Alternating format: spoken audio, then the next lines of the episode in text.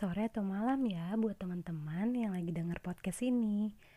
Oh iya, sebelumnya ada pepatah bilang kalau tak kenal maka tak sayang nih. Jadi biar makin sayang kita kenalan dulu ya. Aku Filda Tadini dari FPIK jurusan perikanan tahun 2018. Di sini aku nggak akan sendirian loh, bakal ada teman aku yang juga bakal nemenin. Kenalan dulu ya sama teman aku. Halo, perkenalkan, nama aku Tanti. Di sini aku sebagai mahasiswi tingkat 3 atau semester 5 eh, Fakultas Psikologi tahun 2018, angkatan 2018. Oke, jadi karena kita ada kenalan, sebenarnya kita tuh mau ngapain sih di episode kali ini? Oke, jadi mungkin ini episode pertama kita ya.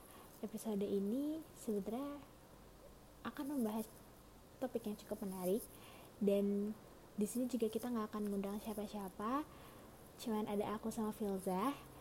So, uh, kita langsung bahas aja ya.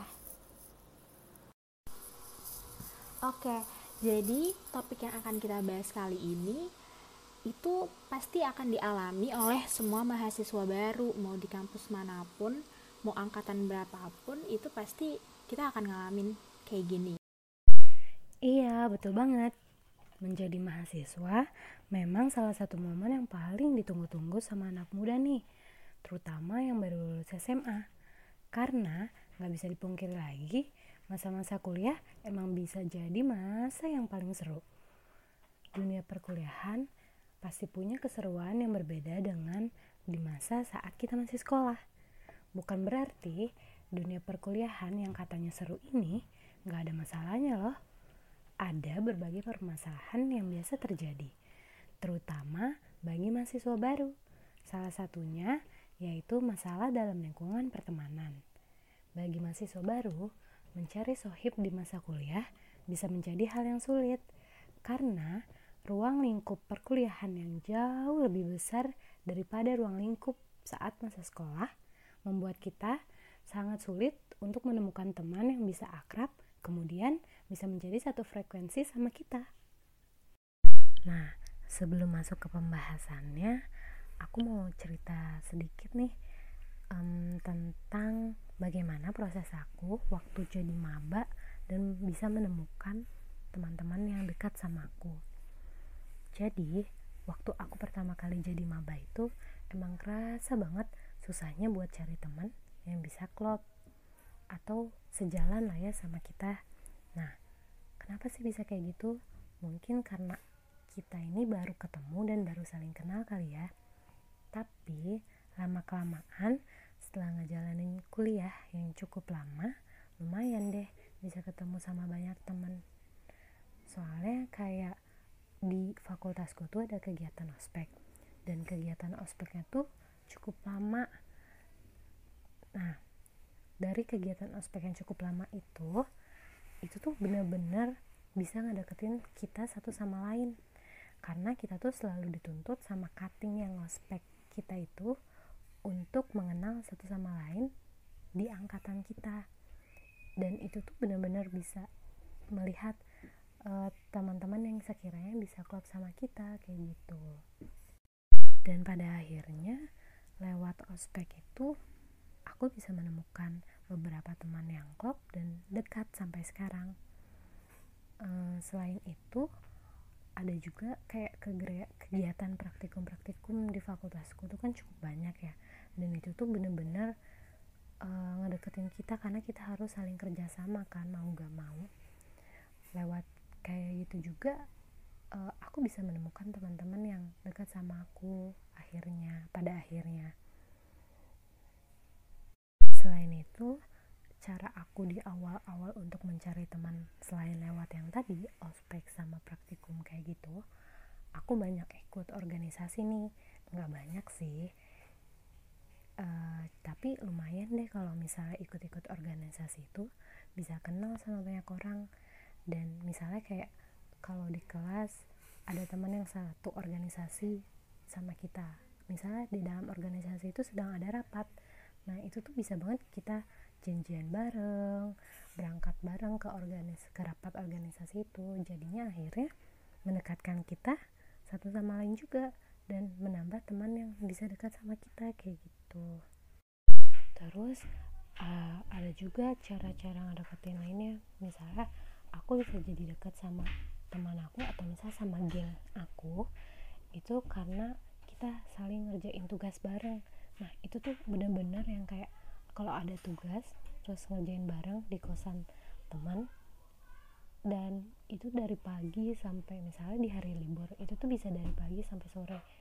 Selain diselingin ngerjain tugas itu kita juga ada bercanda-canda kayak gitu. Nah kalau udah kayak gitu kan jadi kita ngerasa dekat sama teman. Akhirnya bisa klop dan bisa satu frekuensi kan? Kalau kalau cara aku untuk mendapatkan teman sih waktu jadi maba kayak gitu emang sih cukup lama prosesnya cukup panjang. Tapi di bawah happy aja kali ya kalau misalnya mencari teman tuh biar kita juga benar-benar bisa menemukan mana sih teman yang bisa banget buat bareng-bareng sama kita. Karena mau gak mau kita harus cari teman yang satu frekuensi gitu. Nggak bisa kan kalau misalnya uh, beda frekuensi. Nanti kitanya nggak nyaman akhirnya nggak terlalu dekat. Kayak gitu kalau misalnya Tanti gimana? Ada cerita kan? Kita dengerin cerita Tanti yuk. Jadi aku akan cerita pengalaman aku waktu aku maba. Gimana waktu aku bisa deket sama peers aku sekarang Oke, jadi hmm, dulu tuh aku tipe orang yang emang main tuh sama siapa aja. Aku bukan tipe orang yang milih-milih juga. Sehingga hmm, sebenarnya aku diterima sama banyak uh, peers pada saat waktu itu. Tapi uh, kayak aku gak bisa netepin aku tuh mau masuk yang mana. Dan waktu itu kayak uh, ya udah aku sendiri aja gitu atau awal-awal tuh. Tapi akhirnya aku ditarik nih sama teman aku. Sebenarnya emang awalnya udah deket karena itu temen ospek fakultas aku. Dan dia itu ternyata udah deket sama satu orang lagi. Nah ya udah aku dikenalin dan akhirnya main bareng. Dan kita ternyata juga cocok karena kita mungkin satu pemikiran juga. Dan kita juga orangnya setipe gitu nggak terlalu ambis-ambis banget tapi nggak terlalu yang malas-malasan banget gitu kan. Nah sejak saat itu mulai nih aku kayak uh, bikin grup terus sering uh, ngetek tempat bareng. Biasanya kalau di kuliah tuh tag tempatnya di tengah karena kalau misalnya di depan sama di belakang itu bahaya banget guys. Jadi tag tempatnya itu di tengah. Nah terus aku mulai nih belajar untuk mengenal uh, gimana sih teman-teman aku karakternya. Nah ya udah. Sebenarnya uh, cocok nggak cocok itu kita belum tahu kalau misalnya kita tuh nggak research dulu gitu. Kita nggak teliti dulu gimana sih karakter teman-teman kita. Dan waktu itu setelah aku deket setelah aku teliti ya akhirnya emang aku cocok gitu main sama mereka. Dan waktu itu juga uh, aku juga masuk ke satu peers lagi yang emang itu kelompok awalnya itu tuh adalah kelompok belajar aku. Nah di kelompok belajar itu lama-lama karena keseringan belajar belajar belajar aku juga akhirnya deket. Nah jadi saat ini nih ya bisa dibilang aku sekarang punya dua peers lah ya atau enggak dua geng gitulah nah dan ini juga nggak berjalan mulus ya awal-awal tuh karena kayak masih belajar masih ngebaca gimana sih orang-orangnya dan ini tuh sempat banyak slack juga sempat banyak uh, tektokan juga gitu miskomunikasi juga atau salah pengertian dan lain-lain. Dan ini tuh menurut aku adalah hal yang biasa dialami maba ketika dia tuh memang mengalami masa transisi gitu masa uh, ketika akan dihadapkan pada hal-hal baru. Dan jadi pesannya tuh emang gak usah kaget emang semester awal-awal tuh menurut aku berat karena um, ya kayak gitu kita harus adaptasi dengan banyak hal. Sehingga juga waktu itu akademik aku juga sempet kayak turun gitu karena emang ya emang pusing banget gitu. Mungkin terbiasa di rumah terbiasa makanan udah ada nggak usah nyuci dan lain-lain. Dan tiba-tiba semuanya harus aku sendiri yang uh, nyuci harus aku sendiri juga yang beresin kamar semuanya kayak gitu. Nah jadi uh, akhirnya sih sebenarnya uh, cukup lama sih untuk aku bisa berproses. Akhirnya aku dapet temen yang enak banget. Aku tuh dapet temen yang enak banget juga itu semester 2 dan aku juga baru mengenal, mereka banget tuh semester 2 ya kayak gitu sih. Nah gimana ceritanya dari kita? Seru kan? Sesi-sesi cerita dari kitanya udah cukup sekian dulu ya Nanti bakal kita lanjut di lain waktu. Sekarang kita ke hal yang agak sedikit serius nih. Nggak terlalu serius banget sih. Tapi bakal ada pembahasan dari kita tentang masalah-masalah tadi. Salah satunya masalah pertemanan. Apa sih kendala eh kenapa sih kita bisa mengalami masalah-masalah tersebut? Kendala apa aja yang bakal kita hadapi kalau kita jadi mahasiswa baru? dan nantinya bakal ada solusi untuk masalah tersebut supaya kita bisa mengatasi masalah yang sedang kita hadapi dengan baik dan kita bisa terus melanjutkan apa yang sedang kita jalani tanpa ada masalah lagi. Eits, tapi bukan berarti masalah satu selesai, masalah yang lain gak datang ya. Masalah itu pasti selalu datang. Penasaran kan? Yuk kita dengerin ya. Iya, jadi gimana sih caranya untuk kita tuh bisa mendapatkan sohib atau peers atau teman dekat di dunia perkuliahan? Pada dasarnya, mahasiswa baru itu ada dalam tahap masa transisi atau peralihan, di mana banyak tantangan baru yang harus dihadapin.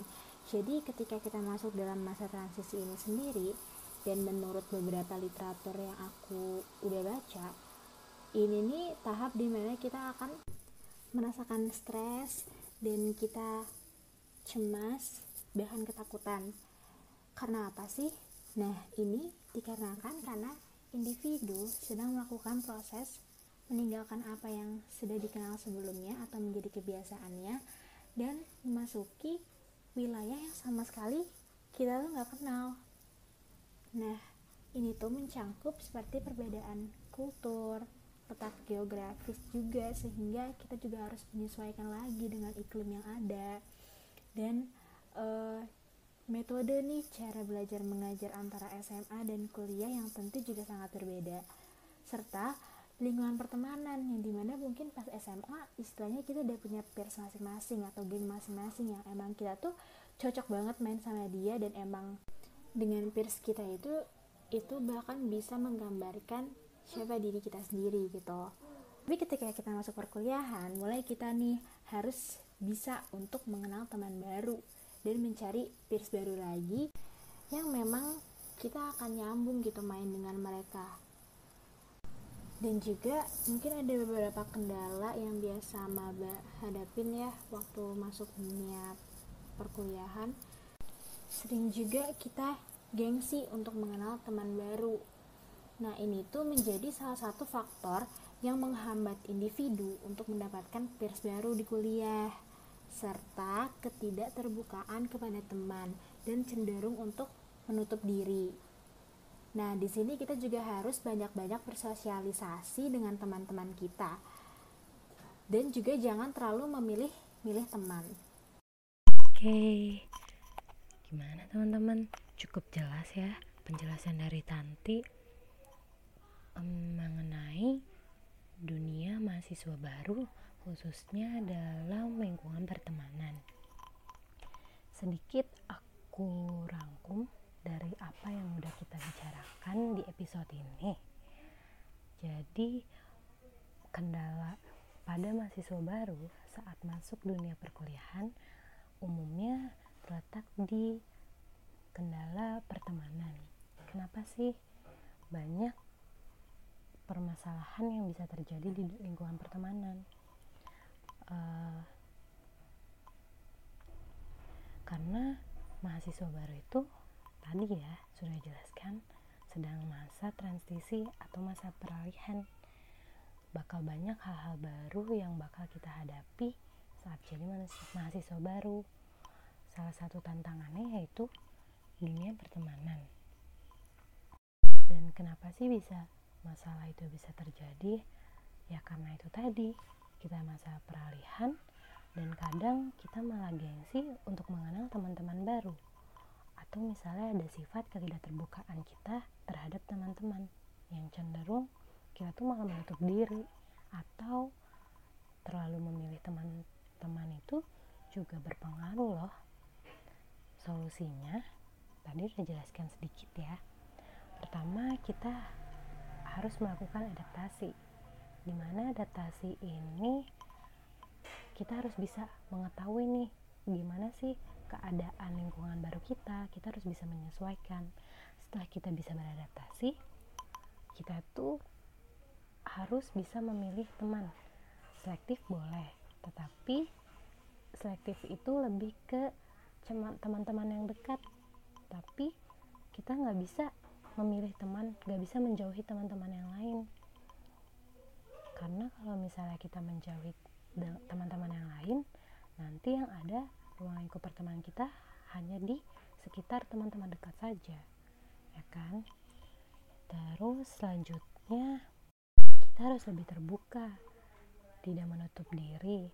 Terbuka di sini bukan berarti kita harus menceritakan apa yang sedang kita alami semuanya kepada teman-teman. Tetapi kita harus bisa tidak menutup diri kepada teman-teman yang datang atau kepada teman-teman baru uh, sehingga kita bisa berteman dengan siapa saja. Terus perlu juga nih kita belajar untuk dapat memahami karakter teman-teman baru. Selain itu selain itu um, cara lain untuk bisa mendapatkan teman-teman tuh dengan masuk organisasi atau kepanitiaan di lingkungan kampus. Kita harus bisa lebih aktif supaya kita bisa menemukan teman-teman baru yang nantinya bakal menjadi teman dekat kita beberapanya. Kayak gitu sih teman-teman dari kita. Semoga apa yang sudah kita sampaikan bisa menjadi pembelajaran buat teman-teman khususnya mahasiswa baru ya Buat para dede-dede maba ini yang akan mau masuk dunia perkuliahan, kalian jangan please jangan takut tentang uh, ya permasalahan yang mungkin kalian akan hadapi karena itu wajar. Jadi aku tekanin kalau itu tuh wajar dan itu adalah proses kalian untuk bisa berkembang. Itu adalah proses kalian untuk akhirnya kalian mengerti apa makna dibalik permasalahan yang akan kalian hadapi seperti itu. Nah, jadi juga uh, tetap semangat untuk maba-maba yang akan masuk kuliah um, dan tetap stay positif juga. Dan pokoknya intinya jangan takut. Oke jangan takut. Nah mungkin juga kita udah ada di penghujung podcastnya nih Tentang tema kali ini. Um, Sebelumnya mungkin aku juga pengen minta maaf dari aku dan Filza karena pasti podcast ini masih banyak banget kekurangannya. Kekurangan dalam segi editingnya kekurangan dari segi materinya atau kekurangan ya banyak lah yang harus kita perlu evaluasi lagi. Karena mungkin ini uh, podcast pertama kita guys. Kita baru bikin podcast kali ini jadi emang masih newbie banget kita di sini. Dan masih ya kayak kemarin kita juga masih banyak urusan lain gitu. Kayak salah satunya juga kita masih dipusingin KRS kan. Kemarin tuh kayak sempet on off on off gitu si pacis unpadnya dan ya cukup buat stress dan pressure banget sih kalau untuk aku pribadi yang akhirnya aku tunggu-tunggu tapi ternyata aku ya digantungin gitu aja. Ya gitulah guys. Itulah drama KRS kalau misalnya kalian uh, udah ada di tingkat-tingkat akhir lah ya yang kayak harus uh, emang Hunger Games banget buat dapetin KRS mungkin kan kalau uh, masih maba atau awal-awal kan masih dipaketin ya jadi gak terlalu pressure banget. Ya kalau sekarang pressure hmm, kerasa banget lah ya yang di mana sebenarnya KRS itu kan kayak hidup kita semester satu semester ke depan gitu kan. Jadi emang pertaruhannya gimana nih satu semester ke depannya? So emang kita bener-bener minta maaf juga karena kesibukan masing-masing juga dan baru sempet bikin podcastnya itu emang hari H pas deadline. Dan kita juga baru ngedit kayaknya nih satu jam sebelum deadline. Ya kayak gitu deh guys. Um, pokoknya makasih juga buat teman-teman yang udah mau dengerin podcast kita ini. Dan aku juga sekali lagi mau minta maaf karena kita masih newbie dalam buat podcast.